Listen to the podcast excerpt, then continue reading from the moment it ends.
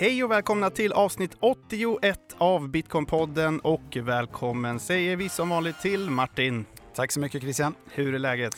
Det är mycket bra. Eh, väldigt spännande avsnitt idag faktiskt. Ja, idag så gästas ju vi av en eh, person som du har sett fram emot att ha som gäst i podden. Verkligen. Han har gjort en hel del eh, intressanta uttal på sistone och eh, då är det ju upp till oss att eh, få veta lite mer om dem. Mm. Pratar alltså om Rickard Josefsson som är VD på Avanza. Eh, vi ska till den intervjun alldeles strax här, men först så vill vi även den här veckan påminna om den rabattkod som Bitcoin kan erbjuda på boksajten Consensus Network, eller hur? Ja, när man hittar till Bitcoins magiska värld så finns det ju en hel drös med böcker man kan läsa, både på svenska och engelska. Och vi brukar rekommendera konsensus.network, konsensus med K, som har väldigt mycket böcker om ämnet. Och om man använder den eh, rabattkoden vi har som är Bitcoinpodden, när man checkar ut så får man 10% rabatt. Och om man dessutom betalar i bitcoin så får man ytterligare 10 rabatt. Mm. Konsensus.network är adressen dit. Och som vanligt ska vi också säga det att Bitcoinpodden den görs i samarbete med den svenska kryptobörsen Trio där man kan både köpa och sälja bitcoin, ethereum och litecoin på ett smidigt och säkert sätt. Trio.se är adressen dit. Nu kör vi igång veckans avsnitt.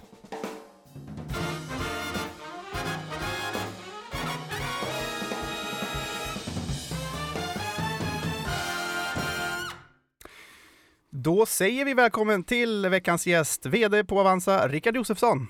Tack så hemskt mycket, kul att vara här. Hur står det till? Ja, men det är alldeles utmärkt, tack. Känner du till Trio? Oh ja, ja det, det gör jag. Ja, stort ju. Mm. jag var inte beredd på den frågan alls, men ja, ja. kul. Ja, ja verkligen. Eh, ja, många känner ju till dig eh, säkert som vd på Avanza, men kanske inte lika många har koll på ja, men vad du gjort innan, vad, vad din bakgrund är. Där. Ja, det beror på, den är inte så komplicerad. Jag började i bankbranschen 1986 eh, och sen jobbade jag 25 år på SEB. Och sen var jag vd för Länsförsäkringar Bank i sex år och nu har jag varit snart fem och ett halvt år vd på Avanza. Mm. Så bankvärlden hela ditt uh, yrkesliv kan man säga? Absolut, men det är också det som är lite roligt tycker jag för att jag började i den här världen innan internet fanns, innan mail fanns. Eh, så att jag har ju fått vara med om en fantastisk utveckling eh, som har varit otroligt spännande. Mm. Eh, och du har ju varit VD då på Avanza sedan 2017. Mm. Eh, vad är det största avtrycket som du har gjort tror du? Ja, det vet jag inte riktigt, men det är klart att eh, vi har ju blivit mer än dubbelt så stora under de här tiden och eh, kanske lite intern governance om man får säga så. Eh, vi har ju blivit vuxit väldigt fort och bidragit till att strukturera Avanza till ett, eh, till ett fungerande företag. Sen är inte jag den, den innovationsmänniskan men jag tror att jag försöker skapa förutsättningar för våra team och våra medarbetare att tänka utanför boxen, innovera, se till att vi ligger i framkant, investera i rätt teknik etc. etc. Det är ju mitt jobb liksom. Man är ju lite ja, lite dirigent över en fantastisk orkester och då är det inte dirigenten som ska synas utan det är de fantastiska medarbetarna. Mm. Eh, vad, vad gillar du annars då? Vad, vad har du för hobbys? Ja, det där är så jobbigt när man är eh, i min ålder för att den ena hobbyn är att gå ut med min hund. Jag har hund som jag är väldigt förtjust i. Jag har en särbo sedan många år. Så det är hänga med familjen, eh, resa lite grann. Eh, jag har en dotter som går ut universitetet nu som ska plugga i USA. Eh, jag gillar att spela golf, jag gillar att vara på sjön, eh, jag gillar att träna. Jag kör mycket spinning eh, för att försöka hålla mig i hygglig form. Och sen har jag ett ganska stort hockeyintresse eftersom jag är gammal hockeyspelare. Och nu så är jag också ganska upptagen med att vara ordförande i Börje Salmings ALS-stiftelse. Ja, det var en hel del där. Mm. Vad är det för hund och vad heter det? Han heter Bosse och det är en kavapo. Han är sju år, så att eh, det, är en, det är en bra polare. Mm.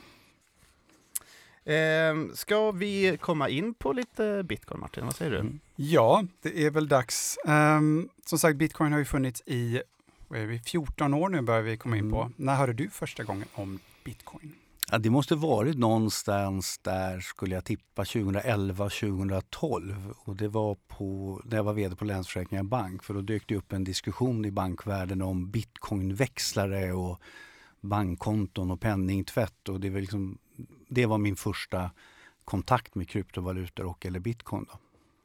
Och kom du ihåg ungefär vad, vad det första var du tänkte när du, när du fick höra om det? Var det direkt så här, oh, det här kan användas för penningtvätt, det här är för brottslingar eller såg du att det här kan vara en fantastisk innovation för bankbranschen också?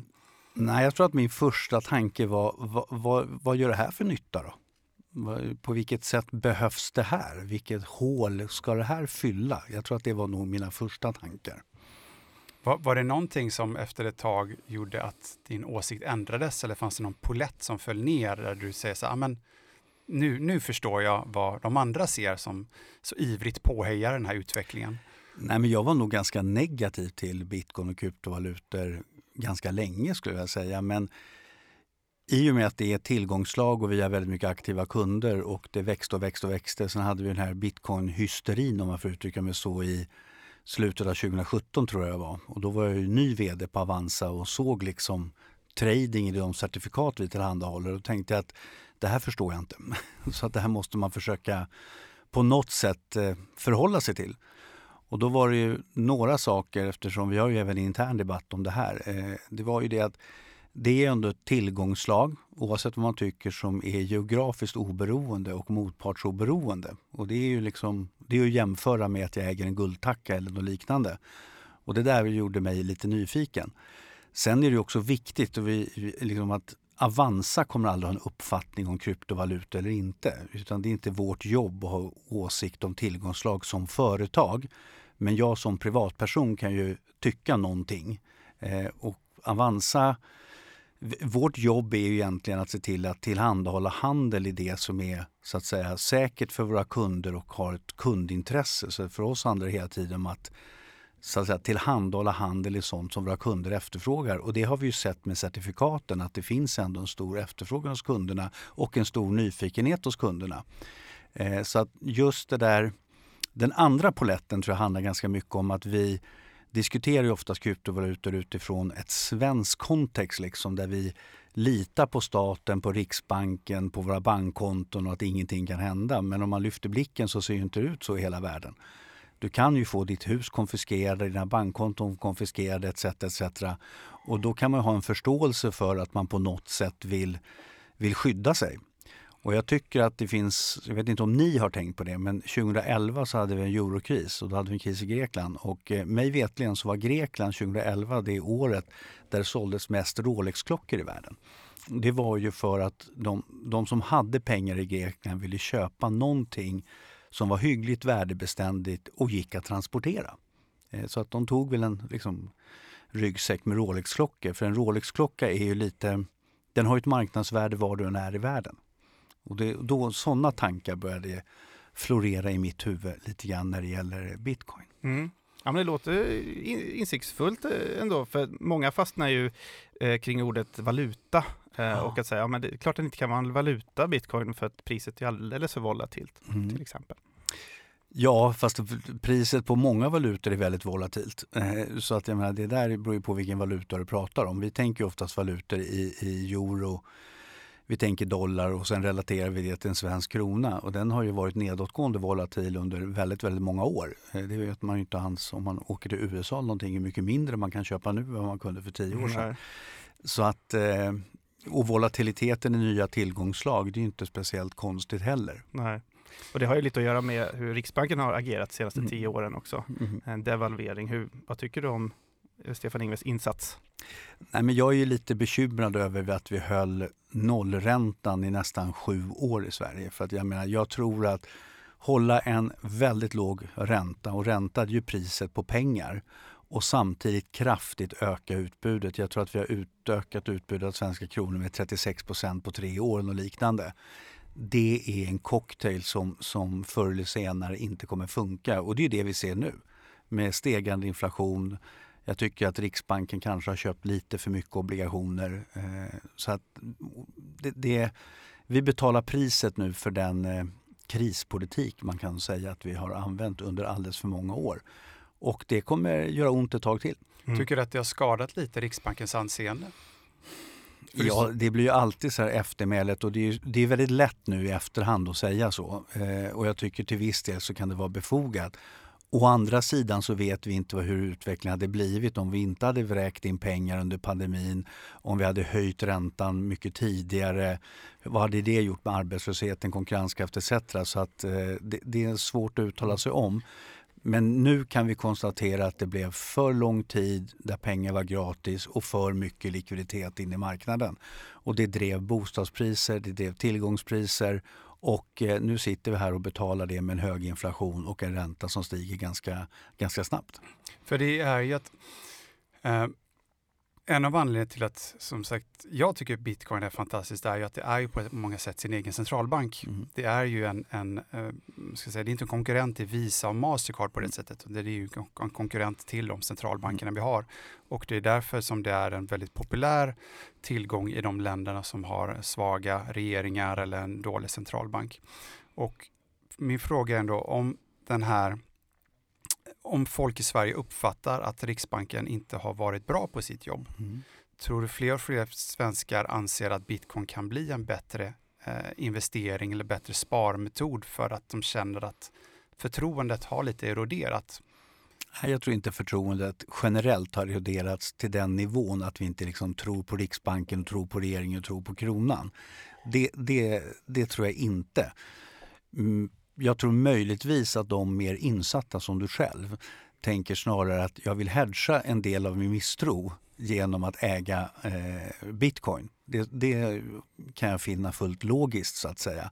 Men jag tror att gemene man fortfarande har en väldigt, väldigt stark tilltro till, till Sverige. Och det ser vi också när man tittar internationellt. Att, och det gäller inte bara centralbanken. Vi har ju ett väldigt högt förtroende i Sverige. Sen betyder det inte att det är bra eller dåligt. För banker. Alltså vi litar ju på att våra banker fungerar, vi har ett välutvecklat banksystem, mina pengar är säkra, jag kan ta ut dem. Så att det där hänger ihop i min värld. Men absolut på marginalen att någon vill hedga sig genom att äga bitcoin, det har jag, det har jag förståelse för att vi, folk kan komma till den slutsatsen. Och ser, ser du ett värde i att ha en eh, digital tillgång som är liksom utanför det klassiska finansiella systemet? Eh, jag, jag tror att det där är Juryn för mig är fortfarande lite ute på det. Eh, jag tror inte riktigt att svaret är givet ännu. Men vad jag har sagt tidigare och vad jag kan säga igen, jag tror inte bitcoin kommer vara borta om tio år. Vad jag inte vet är vilken roll det kommer spela.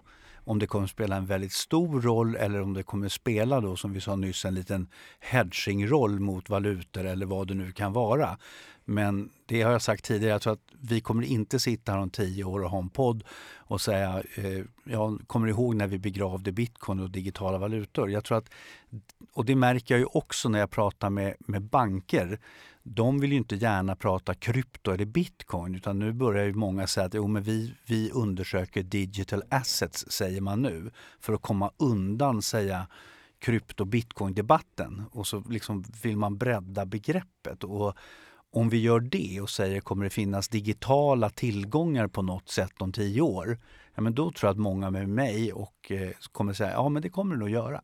Mm. På ett eller annat sätt utan att veta exakt hur det kommer se ut. Mm. Hur mycket har Avanza tjänat på den här certifikathandeln då, genom åren? Det vet inte jag, men det är en ganska marginell eh, intäkt på våra courtageintäkter. Så att, eh, det jag tror att om det var Q4 2017, det är ett antal år sedan nu, så tror jag att det, när det var som, som högst handel, jag tror att det var ungefär 7% av våra courtageintäkter ett givet kvartal. Och det är det högsta någonsin. Så att det har aldrig varit eh, en sån här jätteintäkt. Sen kom ju 2018 med nedåtgående börs, 2019 upp. Sen hade vi ju pandemin, hysterin på kapitalmarknaderna. Men då hade vi ju, och det ska man ju inte likna vid bitcoin, men då hade vi ju Memestocks, vi hade ju GameStop och allt det här och AMC och det, det är ju absolut ingen likhet med bitcoin men det är också det här flockbeteendet runt någonting som över tid inte är bra. Det tror jag inte är bra för bitcoin heller att du får såna här ja, nu ska alla trada bitcoin och sen ska ingen trada bitcoin. Det, det skapar inte legitimitet i tillgångslaget. Det är min uppfattning. Nej, det kändes som att det var en, eh, en så allmänt större intresse som blev för värdepapper generellt i samband med coronapandemin, att fler satt hemma, kanske kunde läsa mm. på. Eh, och det måste ju ni ha sett också, uppsving i antal nya kunder och intresse på plattformen och sådär. Avanza växte med 100% under pandemin på 24 månader så det är självklart så att vi, vi på något sätt gynnades av det där. Sen ska man veta om man tittar på det lite mer strukturellt och inte bara intresset för att alla satt hemma och jobba så är det också som så när kriser drabbar samhället då blir människan så här, vad kan jag kontrollera? Jag kan inte kontrollera att jag blir sjuk, eh, min, min partner kan förlora jobbet, eh, räntorna kan gå upp och då blir man så här, ja men har vi ordning på vår privatekonomi? Och kopplat till osäkerhet, jag känner mig otrygg, då försöker man kontrollera det man kan kontrollera. Och så ger man dessutom folk lite mer tid ja, då blir det då att många kanske gick igenom sitt sparande. Vad händer om jag blir sjuk i corona, långtidssjukskriven? Hur ser mina, mina finanser ut då? Så det är också så här lite mer strukturell eh, fråga. Och sen blir det ganska uppenbart också om man pratar sparande att tar vi, nu är jag ju så pass gammal, men tar vi Sverige på 70 och 80-talet så har vi ur ett samhällsperspektiv ett samhälle idag där ansvaret vilar mycket, mycket mer på individen i väldigt många frågor och inte minst pension, sparande etc. etc. Och det kommer ganska mycket upp till ytan under corona. Du, du nämnde att vi inte kommer sitta i den här podden, om, eller vilken podd som helst, mm.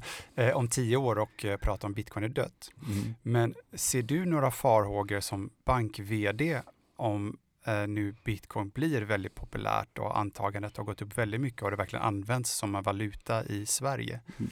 Va, vad ser du för risker med det?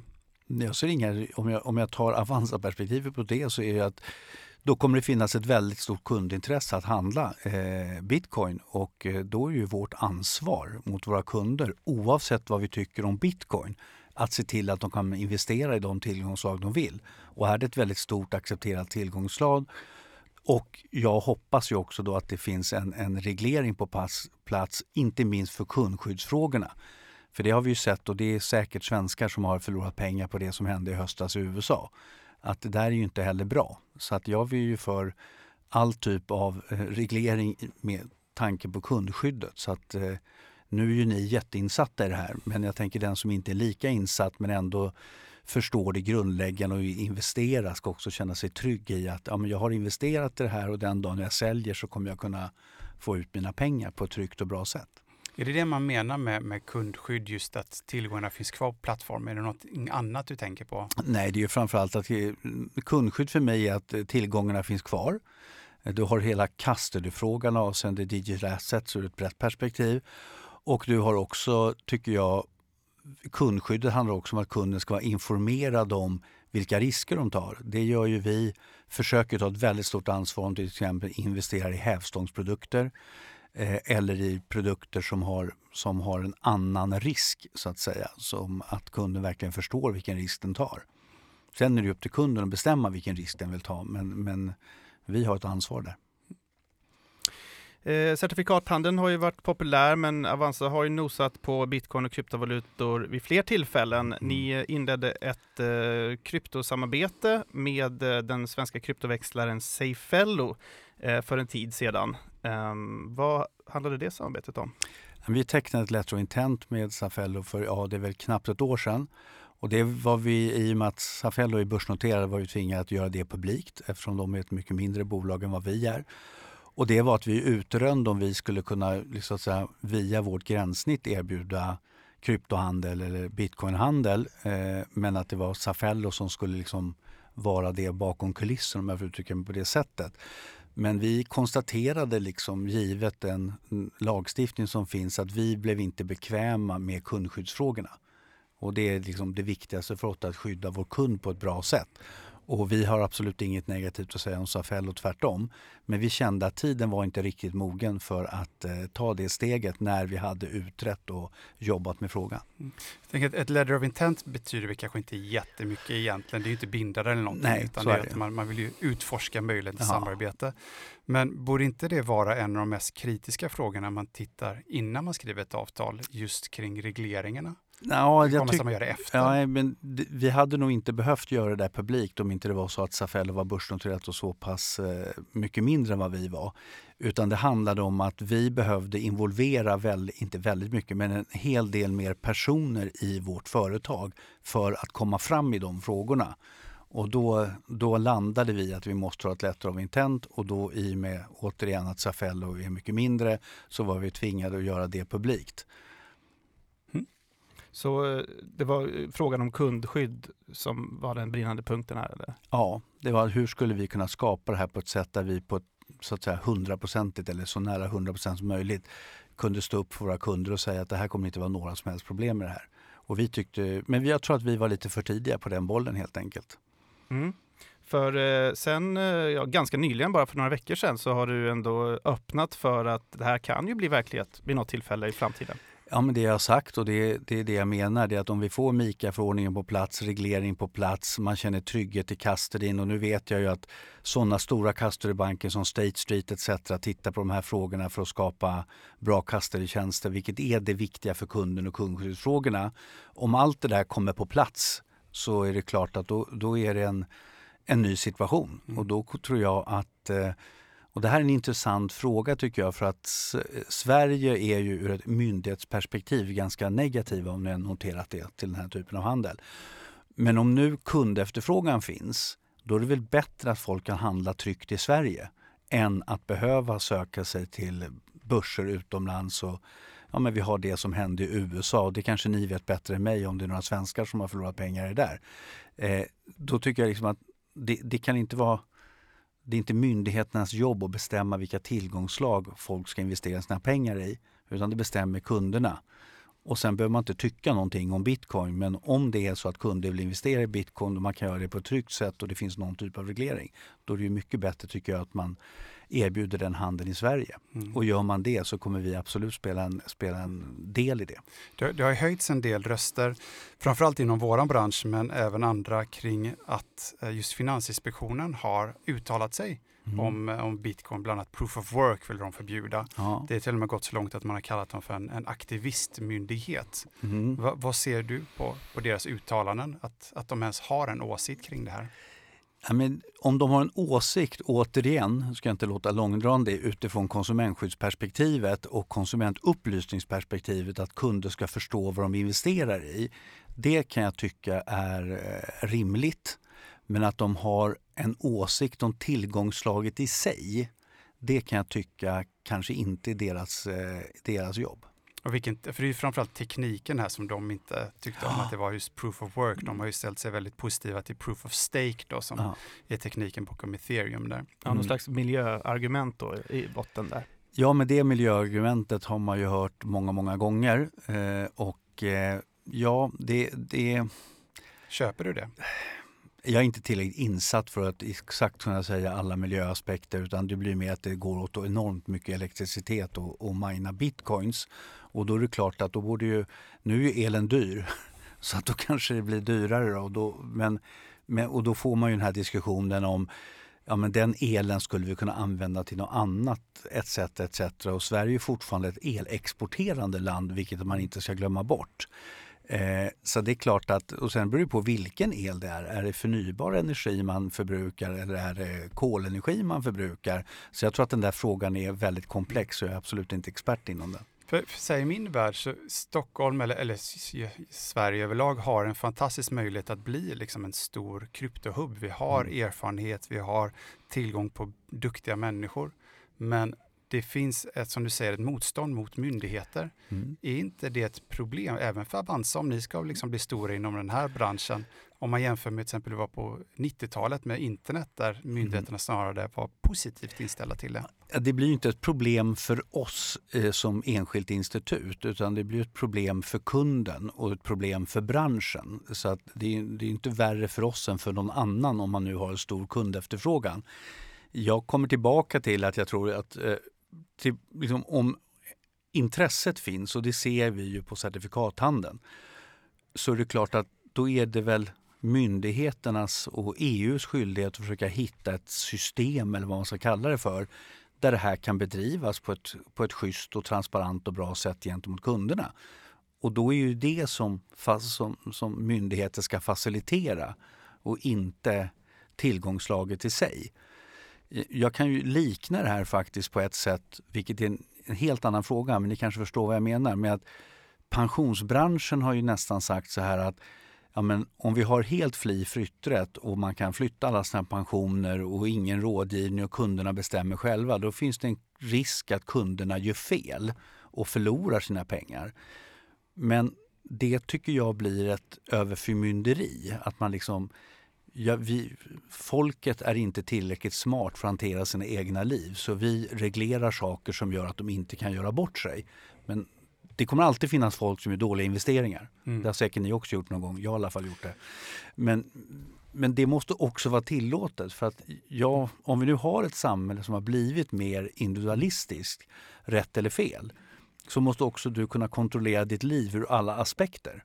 Och då tycker jag att det är eh, inte myndigheternas sak att ha en uppfattning. Utan däremot så kan ju myndighetspersoner som enskilda individer, precis som vi alla svenska medborgare eller de som bor här, få uttrycka vår personliga åsikt. Vilket jag gör i den här podden. För återigen, det här är inte Avanzas åsikt. Det här är hur jag ser på frågan. Det är lite skillnad kanske om en eh, generaldirektör gör det på debattplats. Ja, Än om man sitter på en middag. Kanske. Ja, eh, eller om man gör det i en podd. Mm. Eh, jag kan tycka att när Erik Thedéen har uttalat sig det här och jag tycker Erik har gjort, vill jag understryka, och det är inte för att jag är snäll, men jag tycker att han har gjort ett väldigt bra jobb som generaldirektör för Finansinspektionen totalt sett.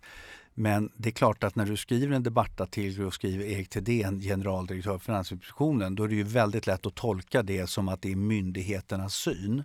Jag skulle gärna kanske se att Kan det, det inte vara det?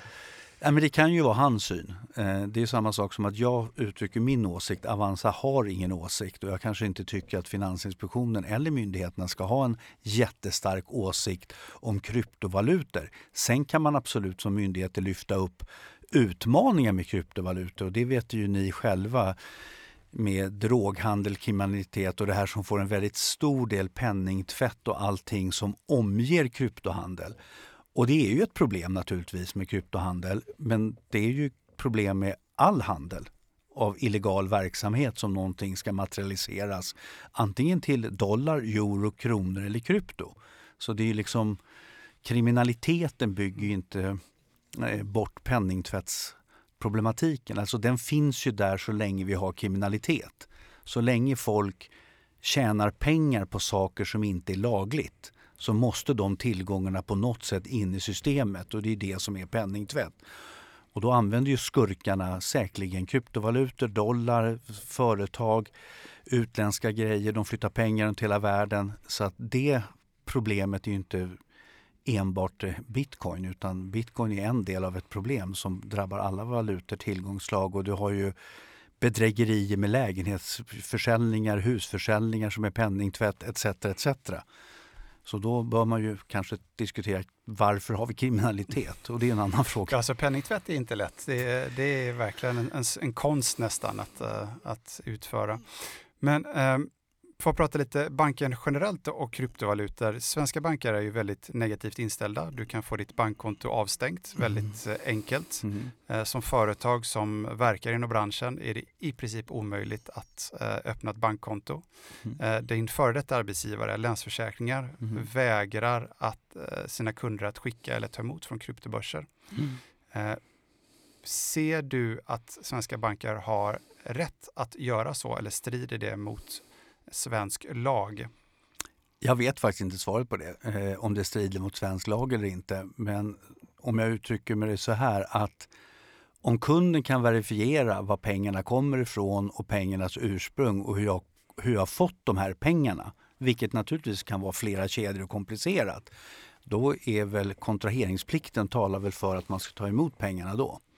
Eh, och vad är kontraheringsplikten? Ja, det är att du, må, du, kan liksom inte neka människor att verka inom banksystemet om du, har, om du är liksom, eh, hel och ren, om jag uttrycker mig på det sättet. Men det här är ju en, en, stor fråga ur många perspektiv. För att jag själv skulle, och det, om jag, blir, jag gjorde en amortering på ett bolån jag hade eh, hos ett annat institut än Avanza. Och när jag skulle göra amorteringen så var jag tvingad att bevisa var kommer pengarna ifrån som du ska använda för amorteringen? Eh, och det, Source of funds. ja, och, och det, där, det där problemet har vi ju hela tiden. Det är ju samma sak som att, om jag får vara lite slarvig kanske, om jag, om jag kan verkligen bevisa att jag har handlat bitcoin på den här börsen, jag kan visa dokumentation på min handel, pengarnas ursprung eller om jag tar emot utlandsbetalning för en släkting i, ja, någonstans i Latinamerika. Jag ser inte det där som en jätteskillnad kanske. Men det är ju även problem att ens få pengar till en kryptobörs för att ens kunna köpa kryptovalutor. Ja. Bankerna, vi pratade om övermynderi förut, Mm. de stoppar transaktioner till. Vad, vad, för banker Det är visste ju, faktiskt inte jag att man stoppade transaktioner till kryptobörser. Jag har Nej. däremot hört att man har stoppat insättningar från Nej. kryptobörser. Så det var en nyhet Ja. för mig. ICA-banken och Länsförsäkringar har nolltolerans mot uh, Mm. uttaget. Den här. Och det är klart som, bank, eller som kund kan man ju rösta med fötterna liksom, och Mm. hoppa runt. Men frågan är att ett bankkonto är någon form av ehm, ska man säga, finansiell infrastruktur som vi måste ta del av här, i, Mm. vi eh, medborgare i Sverige. Mm. Och att banker inte låter en skicka ens egna pengar som man förvarar hos dem. Mm. Är, är inte det ett problem? Jag tycker att det är ett problem. Så länge du kan visa att du inte bedriver illegal verksamhet eh, så tycker jag ju att du ska få rå över dina tillgångar själv. Den friheten måste vi ha. Och, och det är till, tillbaka till allting att det, man kan ju inte anta att alla som håller på med krypto, ursäkta mig, är skurkar. Eh, för att det, det blir ju att dra liksom alla över en kant. Det finns säkert skurkar som håller på med bitcoin, men det finns skurkar som håller på med kronor, med euro, med dollar. Så jag tror att man måste se det där i ett, i ett helhetsperspektiv. Och att då bara dra ett streck och säga att nej, men dit får man inte skicka pengar eller ta emot pengar. Eh, sen kan det ju vara så att man tycker frågan är så komplex så vi, vi klarar inte av att bedöma det här och vi har inte resurser att bedöma det här så vi trycker på av-knappen ur alla perspektiv.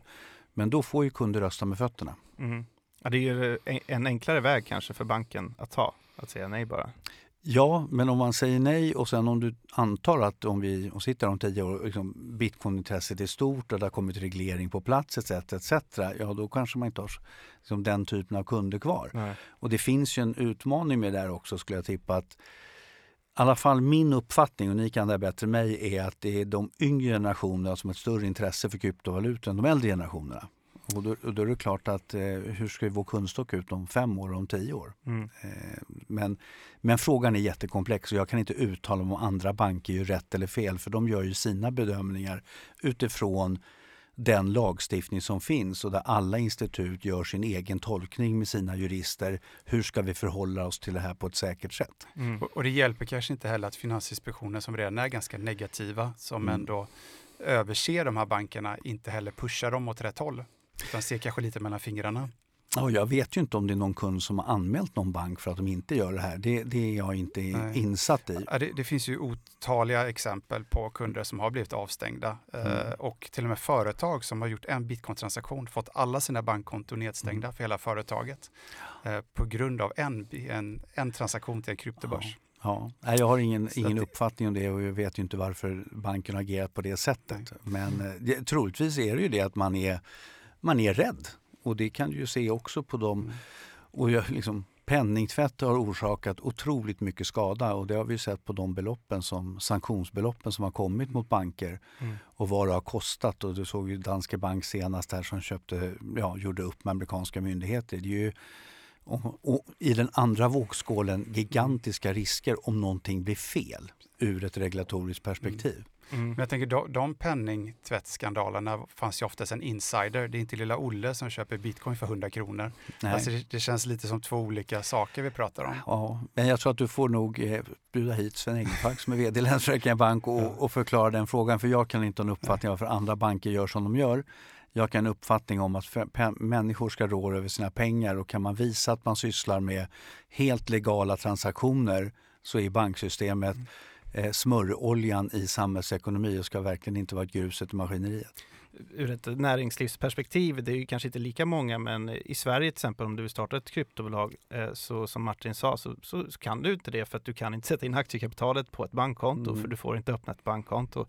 Eh, inte det är liksom ett demokratiskt problem i grunden? Ja, det, mitt svar är bara det att det måste ju vara någonting som myndigheterna måste hantera i så fall. För att om du ska starta ett legalt företag och driva det enligt alla de regler och lagar som finns runt att driva företag, då är ju det en del av entreprenörsverige. Eh, det är liksom mitt enkla svar på den frågan. Sen måste du också naturligtvis kunna bevisa för banken och för myndigheter att det här är inget fish och vi gör det och det och det. Då kan jag inte se att man ska ha eh, näringsförbud på grund av att man sysslar med tillgångslag som polariserar många uppfattningar. Det är, det är liksom en annan debatt, men, men den vilar inte på mina axlar. All right. Eh, Mika-förordningen kan ju, eller kommer förmodligen bli verklighet vid något tillfälle, mm. kanske snarare än vi tror. Och då är det inte omöjligt att Avanza är där alltså? Ja, det får vi se. Det beror ju på kundefterfrågan och sen får man analysera vad vi kan göra. Ska vi göra det själva ihop med andra? Vi har ju redan sagt att vi liksom är intresserade av området. Vi hade det här med Safello. Eh, så att det är klart att blir det en handel, blir det mer alltså mainstream, att det blir ett tillgångslag som att man, ja, jag har lite aktier, lite fonder, jag har lite ETFer och sen har jag hedgat med, med lite bitcoin. Då är det vårt jobb att ta hand om våra kunders önskemål. Mm. Ja, vi får se hur det blir där. Um, ska vi uh, gå vidare? Mm. Uh, prata lite om Avanza då, som, uh, som bank. Ja. Hur går det för er? Ja, men det gick ju ganska bra förra året. Mm. Vi, vi, det var ett jätteturbulent år förra året, det vet ni ju själva. Börsen var ju ner 22 procent. Eh, det intressanta tycker jag, om jag brukar säga det, att även fast vi hade ett väldigt turbulent år, vi hade inflation, energipriser, räntor, så har vi fler aktieägande kunder sista december förra året än vi hade första januari. Vi har fler kunder som äger fonder sista december än första januari. Så att, och om man summerar hela året så var det mer köp än sälj. Så spararintresset finns där eh, och det kommer inte försvinna bara för att vi hade ett eh, surt börsår så att säga. Och sen räntorna gick ju upp och det, det gjorde ju också att även vi eh, fick ett bättre räntenetto, vilket kompenserade en hel del. Det pratas ju ganska mycket där ute om mjuklandning i ekonomin. Ja. Vad har du så åsikt om det? Ja, men jag blir alltid lite orolig för nu pratar alla om mjuklandning. Eh, styrräntan kommer höjas 50 punkter. På torsdag blir det faktiskt eh, och sen 25 och sen kommer den börja gå ner igen. Det där gör mig alltid lite orolig för att jag tillhör oftast de som är negativ lite längre än vad alla andra är. Så att jag tror ju att eh, risken för en hårdlandning är inte över. Eh, vi får se inflationssiffrorna utan jag tror att 23 kommer vara ett stökigt år. Och jag blir ju orolig som ja, veckan innan vi spelade in den här podden så gick ju börsen urstarkt. Och i min mening inte egentligen på så här jättemycket ny information. Och eh, jag, jag gillar ju som alla andra en uppåtgående aktiemarknad. Men när det går för fort upp så är det frågan vad är det som driver det? Eh, och då finns det alltid risk för bakslag och det såg vi faktiskt på börsen igår till viss del. Så att eh, jag tror att det blir ett volatilt år. Men jag tror att vi någonstans, min uppfattning är att vi, när vi kommer in till hösten, senhösten, så tror jag att vi börjar se ljuset i tunneln och det är förhoppningsvis inte tåget som är på väg emot oss. Du är nöjd att du inte har Erik Thedéens jobb, eller? Det är inte helt lätt att vara centralbankschef idag. Jag tror att det är jättesvårt att vara centralbankschef. Eh, jag tror att centralbankerna, framförallt deras prognos av räntebanor etc. Men det var ju knappt ett år sedan, eller drygt ett år sedan, som man sa att nollräntan kommer vara till mitten av 24. Jag tror att där ska Riksbanken vara lite försiktiga med det för att det människor i samhället, om vi då kommer tillbaka till förtroende för Riksbanken, då litar man ju på att nollräntan kommer vara till 24 och anpassar sitt liv därefter. Så där tycker jag det är en mm. problematik med det. Men sen måste jag säga, och det är inte för att vara snäll, att eh, nu får vi se här på torsdag när första räntebeskedet kommer, men jag hyser väldigt stort förtroende för Erik Thedéen som person. Han är välutbildad, han är klok, han förstår makromiljön. Eh, så att jag tror att det är i alla fall so far liksom rätt person på jobbet. Eh, och han är dessutom i min mening också ganska pedagogisk och kommunikativ. Så att, eh, men som sagt, det är, det är ungefär som om man värvar en ny spelare. Jag mm. tror det blir bra, men det är först när matchen börjar vi får se att det funkar. Vi väntar bara på att han ska förstå bitcoins storhet. Han är inte riktigt där än. Nej, det, det, det, men den debatten får du ta med honom. ja, vi har bjudit in honom flera gånger, men mm. vi har inte fått något svar än. Nej. Men det kanske kommer under 2023 Christian? Mm. Ja, det tror jag. Eh, jag tänkte, jag har en fråga om eh, sparekonom. Eh, hur ser du på den rollen? Eh, som dels då ska ge råd till småsparare, stå på Mm. deras sida, eh, men också kanske liksom sälja produkter hos Avanza. Ser du några etiska problem med en intressekonflikt där? Nej, det gör jag faktiskt inte. För att eh, Niklas Andersson som är vår mest profilerade sparekonom, eh, han har mandatet att prata illa om Avanza om vi gör något dumt. Han står på spararnas sida till 100 procent. Är det en förutsättning, tror du? Jag tycker att det är en förutsättning. Eh, jag tycker att Niklas gör det på ett jättebra sätt. Han promotar aldrig enskilda produkter eller aktier. Eh, och han har absolut rätten att tycka att vi gör fel. Och det har han mitt mandat att göra till 110 procent. Så att jag tycker, och sen om man tittar på vad Niklas och Avanza alltid kommunicerar och, och så tar vi bort allt brus så kommunicerar vi egentligen två saker. Och det är att ska du utsätta dina pengar för risk ska du vara långsiktig och du, du ska diversifiera dig. Allt annat är spekulation. Och det står inte vi för. Så det är ju det budskapet vi på, med, ibland med humor försöker få fram till våra kunder. Och det är ju så här att om Niklas lyckas inspirera en människa att börja spara och den börjar spara någon annanstans än på Avanza, då har vi ändå gjort nytta. För att, för att liksom, om vi kan få människor att ta mer ansvar för privatekonomi och mer börja spara så kommer kanske inte alla börja spara hos Avanza. Men vi får en folkrörelse i sparande som även kommer vara gynnsamt för oss. Och nu, har, nu, nu utan att lägga en värdering i Elon Musk så var ju hans vision med Tesla var att han ville elektrifiera världens bilpark. Han sa aldrig att alla ska köra Tesla. Eh, och, och det tror jag är liksom det som kan skapa förändring. Är det som man kallar för företagssociala ansvar? eh, CSR? Ja, alltså det blir ju ett socialt ansvar men det är ju självklart så att då får vi upp sparintresset, får vi folk att förstå så är det klart att vi hoppas att de flesta vill spara på Avanza. Men alla kommer inte göra det.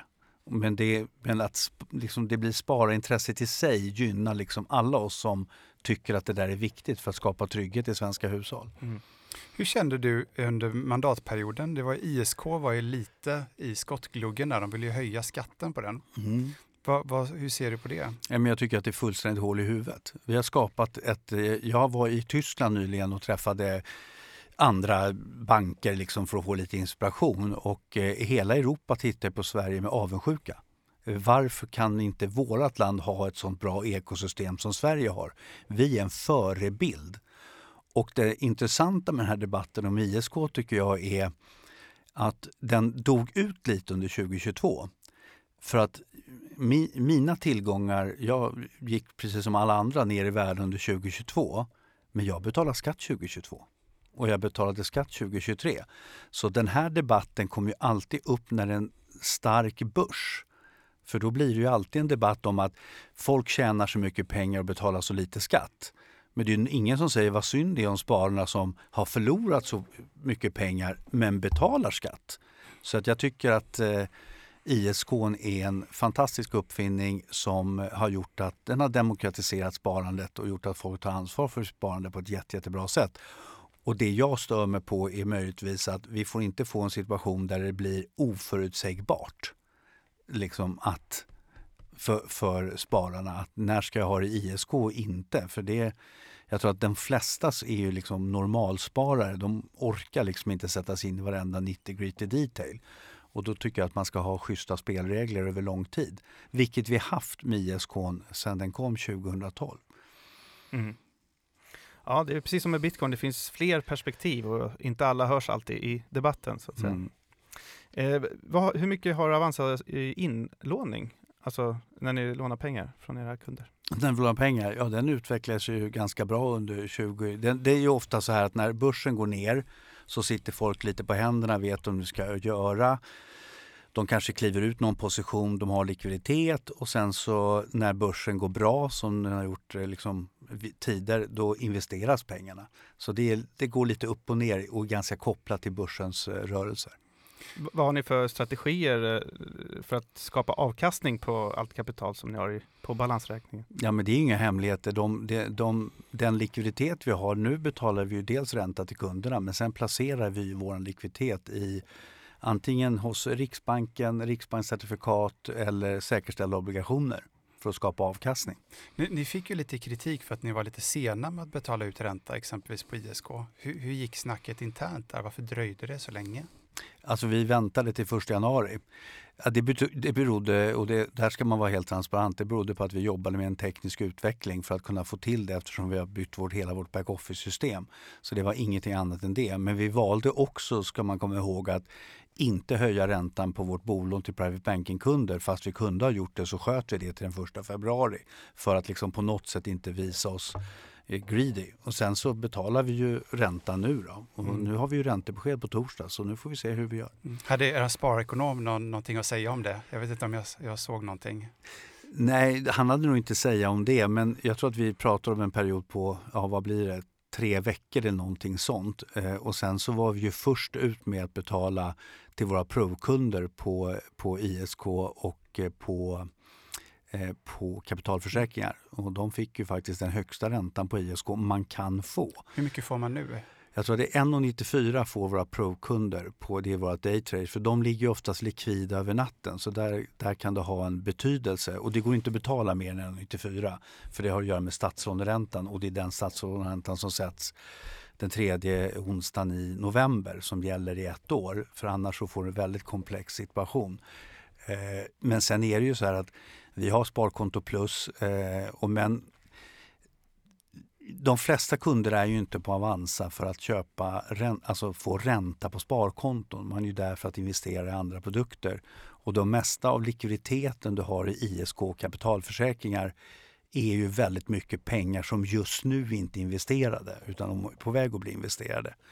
Eh, så att, eh, och sen tror jag, det är min egen spaning, att vi kanske nu med ränteuppgången också kommer få se ett beteende att räntefonder kommer tillbaka. För att då tänker folk att om jag köper en billig korträntefond då behöver jag inte bry mig om att flytta runt mina sparpengar för att få 2,25 eller 1,95 eller 2,50 eller vad det nu kan vara. Och mm.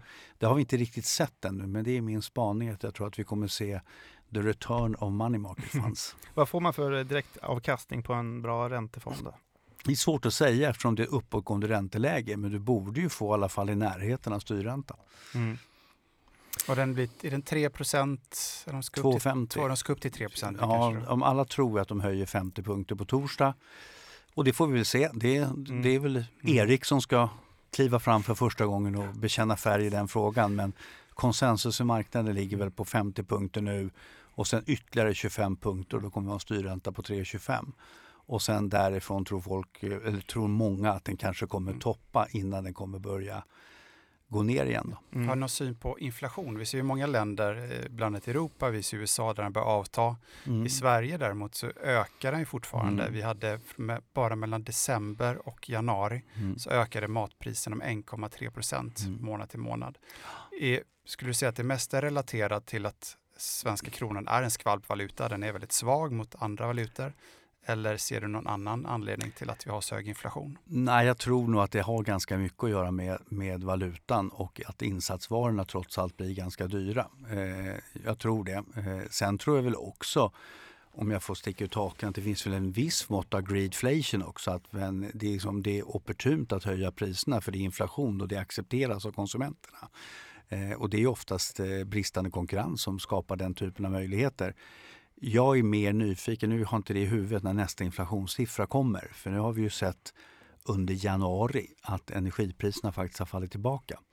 Eh, och, eh, men den stora utmaningen med det här är ju om du tar ett, ett, vanligt svenskt hushåll eh, och så säger vi att du har ett par barn också. Det är att matkostnaden kan ju gå upp ganska mycket och sen har du bolånen som har gått upp i och med att du har rörlig ränta. Och sen kanske du har elräkningar som är ganska höga. Då kommer man tillbaka till att det där har ju en, det är en negativ kassaflöde för hushållen och det gör ju också att risken är att sparandet minskar. Och då pratar jag naturligtvis i egen sak att det är inte bra för oss om sparandet minskar. Även om vi hade ganska starka januarisiffror som vi publicerade förra veckan. Men det, det tråkiga med det är att hushållen inte riktigt kan bygga upp de buffrar som behövs. Och det är ju ganska intressant i den här tiden. Jag fick faktiskt en journalist som ringde mig och frågade, men du Rickard, om, Om någon kund som har sparat ihop några hundratusen nu måste ta ut 20 000 för att betala räkningarna, är inte det dåligt för er? Men jag sa att det är det vi är till för. Att du sparar i goda tider för att kunna hantera din ekonomi i dåliga tider. Så det är ju vårt jobb att finnas där i dåliga tider för de som har sparat pengar. Eh, så att eh, det, det är tuffa tider för hushållen, absolut. Det har ju höjts en del röster och det gör väl alltid det när, när kronan är svag eller för stark mm. om vi ska gå med i eurosamarbetet eller inte. Mm. Har du några tankar kring det? Nej, jag har faktiskt inte riktigt. Jag röstade för euron 2002. Sen var jag nog de som tänkte under eurokrisen att det där var ju bra att eh, nej-sidan vann. Sen nu så tror jag väl att den här debatten kan blossa upp igen. Eh, men vi får se. Jag tror att låt oss ge Erik Thedéen möjligheten att, att stärka den svenska kronan. Men om vi inte stärker kronan och det kommer gå åt andra hållet och, och Riksbanken inte får ordning på det här, då är det klart att då kommer den där debatten bli reell och då får man ta sig en riktig funderare på, på om det skulle vara bra eller dåligt. Vad har han för verktyg för att stärka svenska kronan? Ja, det handlar om förtroende, det handlar om att eh, höja räntan, göra svenska kronan attraktiv etc. Men det stora problemet som jag ser är att det är en så liten valuta relativt eh, euron och dollarn. Och det, det är ju problemet, för du såg ju 2010-2011 efter Lehman där, då stärktes ju faktiskt kronan. Men det berodde ju på att då blev helt plötsligt kronan en trygghetsvaluta. Och nu har vi liksom det där vänt, att ja, men vänta, det där är en osäker valuta. Och sen är det ju långa cykler det här, så jag tycker det är en jättekomplex fråga. Jag har faktiskt inte en egen uppfattning, jag tycker exakt att vi ska göra så eller så. Utan jag är lite mesig här, utan å ena sidan och andra sidan. Eh, för jag tycker att det är så mycket som händer i världen just nu som gör att det är den som är stensäker på vad man ska göra nu, den, den har ett gott självförtroende. Tror du att eh, inflationen är nere på 2% i slutet av året som Riksbankens prognos är? Nej, jag tror faktiskt inte det. Jag tror att den, den kommer gå ner, men jag är inte helt säker på att vi är nere på 2% och det tror jag inte är det viktigaste om den är 2, 3 eller 3,5. Det viktiga är att vi ser en tydlig trend på nedgående inflation som marknaden, som man så fint säger, litar på. För då blir det lite, lite lugnt i båten och då vet man att Riksbanken gör sitt jobb på det sättet de ska. Mm. Vi ska börja avrunda här. Jag tänkte en eh, avslutande fråga om framtiden. De senaste åren så har det ju eh, varit, eh, som vi var inne på, lättare att ta marknadsandelar i ett klimat där intresset för börsen har ökat. Mm. riskerar ni att se en lägre tillväxt nu framöver om nu konjunkturen vänder ner? det kan du säga att förra året så växte vi mycket mindre än vad vi gjorde 2021 och 2020 som var rekordår.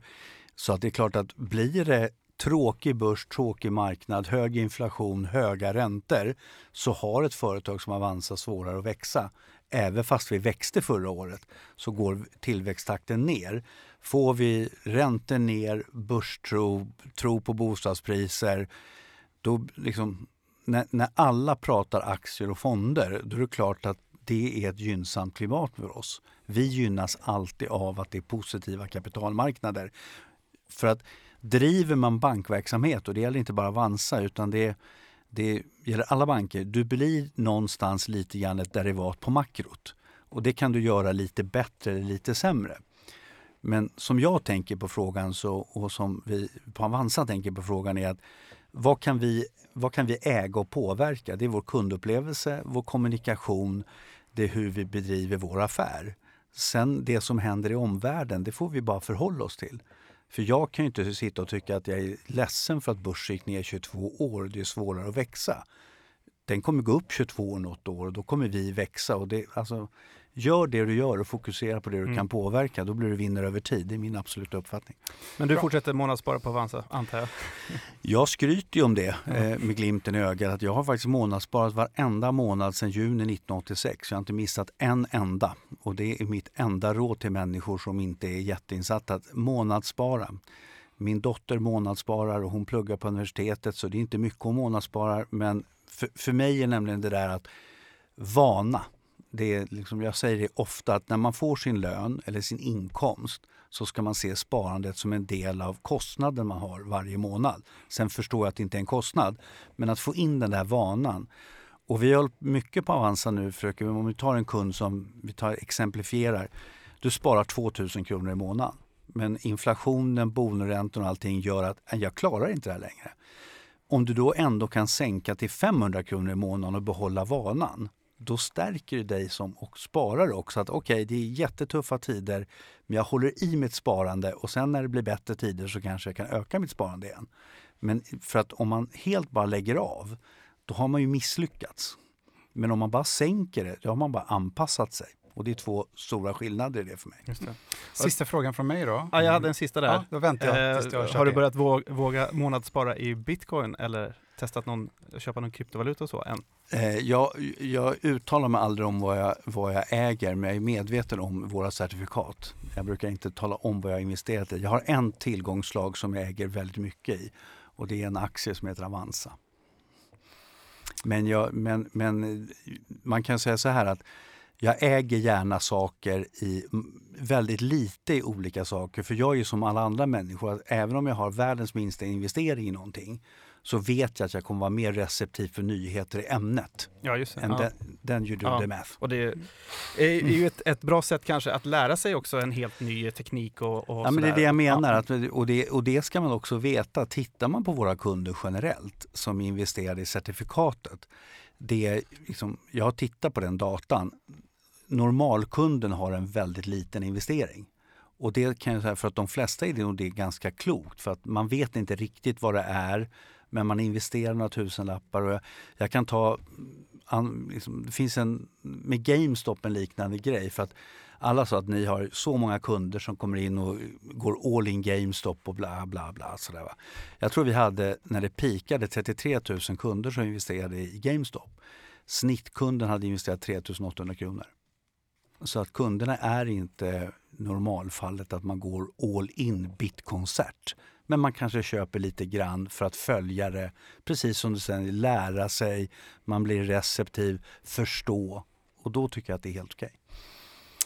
Uh, behöver inte ge en exakt siffra, men du vaknar den 1 januari 2030. Mm. Du tar fram din telefon, går in på Avanza-appen. Mm. Vad kostar en bitcoin? Ja du, det har jag ingen aning om. Jag läste någonstans nu att det var någon som trodde att den skulle kosta 70 000 dollar om, om inte allt för långt i framtiden. Och sen läste jag någon som sa att den kommer gå ner till 5 000 dollar. Så det där är ungefär lika svårt för att svara på när Djurgården vinner SM-guld i hockey nästa gång. Men det hoppas vi innan 2030. Ja, det är jury's out som du sa. Ja, precis. Vi får se vad som händer. Rickard Josefsson, VD på Avanza. Stort tack för att du ville komma hit idag. Mm, tack för att jag fick vara här. Eh, Martin, är du nöjd med avsnittet? Absolut. Mm. Eh, podden är ju eh, sponsrad av Trio.se. Vad är det och hur hittar man dit? Trio.se är ju en svensk kryptobörs där du kan handla bitcoin, ethereum och litecoin. Och lättast att hitta dit är att knappa in trio.se. Mm. Eh, följ oss jättegärna på Instagram. Där heter vi Bitcoinpodden. Eh, nu tackar vi för oss och önskar er en fortsatt trevlig vecka.